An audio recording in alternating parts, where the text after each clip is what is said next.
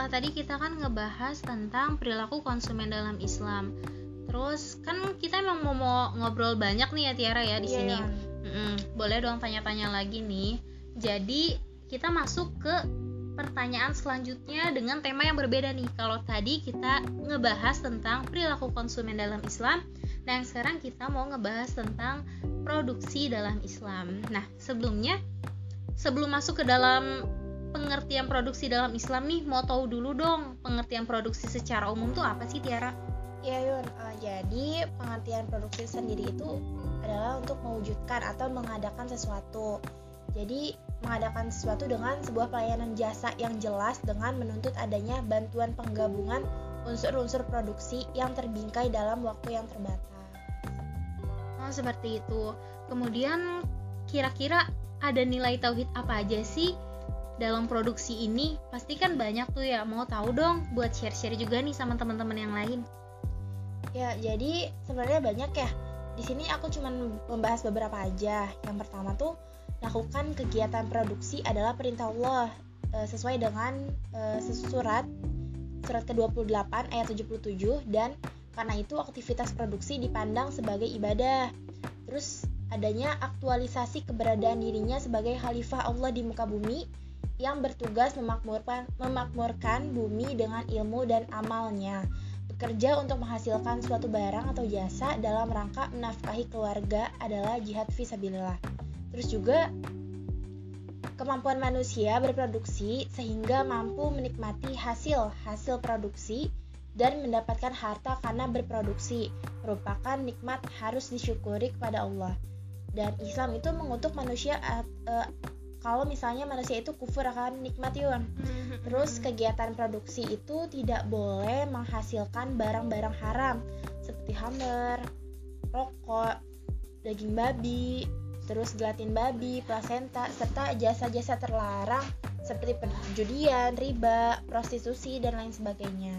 Tuh kan banyak banget kan yang mengandung nilai-nilai tauhid. Nah, baru tahu juga tuh ternyata dalam Islam rokok tuh termasuk barang-barang yang haram ya Tiara. Tapi banyak juga nih yang masih memperjualbelikan tentang barang tersebut.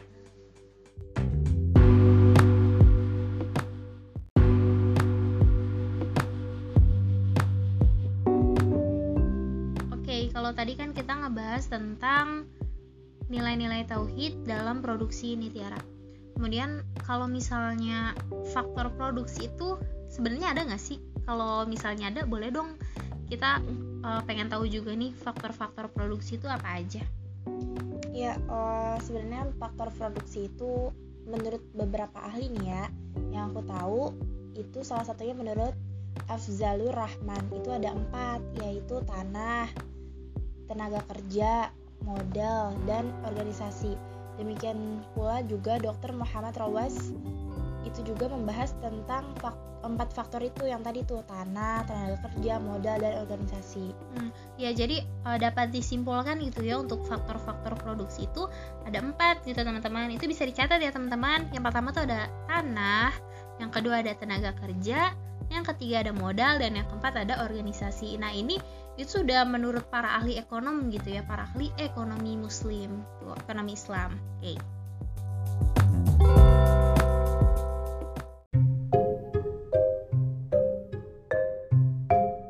Ya Yun, nah terus untuk tanah, nah eh, tanah dan kekayaan alam merupakan unsur pokok yang digunakan untuk menghasilkan barang. Tanah mempunyai dua fungsi yang penting dalam kegiatan memproduksi. Fungsinya yang pertama adalah sebagai tempat untuk melakukan kegiatan ekonomi. Jalan, bangunan kantor, pertokoan, dan lokasi pabrik memerlukan sebidang tanah untuk dikembangkan. Yang kedua, tanah dan kekayaan alam lainnya diperlukan sebagai bahan untuk memproduksi barang lain. Tanah dan air diperlukan untuk mengembangkan dan menyuburkan tanaman. Barang tambang seperti minyak mentah, gas alam, dan timah diperlukan untuk mewujudkan tenaga dan menghasilkan sebagai jenis barang. Selanjutnya tenaga kerja. Sumber daya manusia itu sangat diperlukan ya. dalam berproduksi. Secanggih apa pun mesinnya, pasti memerlukan tenaga kerja manusia untuk menjalankannya. Next nih ke modal. Nah, operasi sistem produksi membutuhkan modal. Dalam ekonomi manajerial, berbagai macam fasilitas peralatan mesin, mesin produksi, bangunan pabrik, gudang, dan lain-lain dianggap sebagai modal. Biasanya, dalam periode jangka pendek, modal diklasifikasikan sebagai input tetap. Selanjutnya, organisasi atau entrepreneur nih. Entrepreneur ya lebih tepatnya. Nah, seorang entrepreneur adalah seorang yang menciptakan bisnis baru yang dengan siap akan menghadapi risiko dan ketidakpastian yang bertujuan untuk mencapai keuntungan melalui pengidentifikasian peluang-peluang melalui kombinasi sumber daya yang diperlukan untuk mendapatkan manfaatnya. Pada dasarnya, entrepreneur melihat adanya suatu kebutuhan sehingga kemudian ia menyatukan sumber daya manusia, bahan-bahan serta modal yang diperlukan untuk memenuhi kebutuhan. Nah, itu kurang lebihnya penjelasan dari empat faktor-faktor produksi ini ya.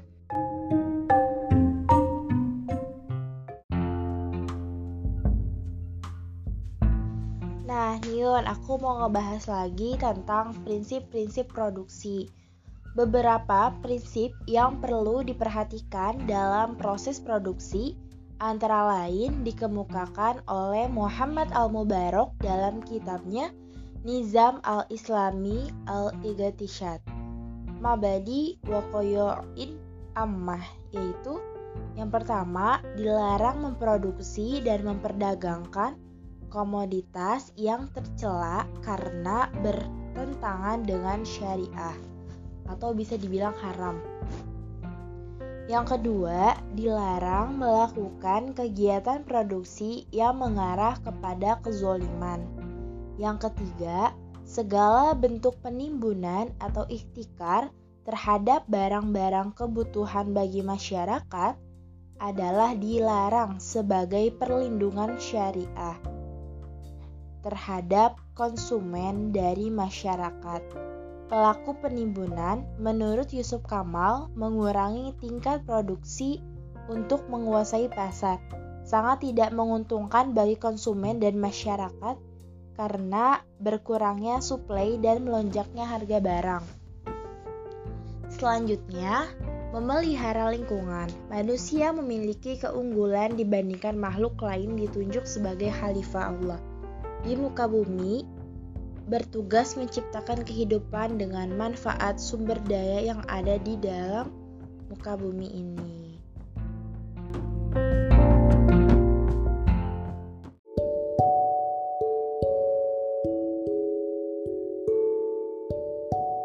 Nah, lanjut Yun, aku pengen bahas juga nih mengenai tujuan produksi. Tujuan barang dan jasa diproduksi yaitu yang pertama, memiliki kebutuhan manusia. Manusia memiliki beragam kebutuhan terhadap barang dan jasa. Itu semua harus dipenuhi dengan kegiatan produksi, apalagi jumlah manusia akan terus bertambah. Yang kedua, mencari keuntungan atau laba. Dengan memproduksi barang dan jasa, Produsen atau orang yang memproduksi berharap bisa menjualnya dengan memperoleh laba sebanyak-banyaknya. Yang ketiga, menjaga kelangsungan hidup perusahaan. Selanjutnya, eh, dalam produksi barang dan jasa, produsen akan memperoleh pendapatan dan laba dari penjualan produknya. Pendapatan dan laba tersebut dapat digunakan untuk menjaga kelangsungan hidup perusahaan termasuk kehidupan para karyawan. Dan yang terakhir, meningkatkan mutu dan jumlah produksi. Produsen selalu berusaha memuaskan keinginan konsumen. Dengan berproduksi, produsen punya kesempatan melakukan uji coba atau eksperimen untuk meningkatkan mutu sekaligus jumlah produksinya agar lebih baik dari produksi sebelumnya.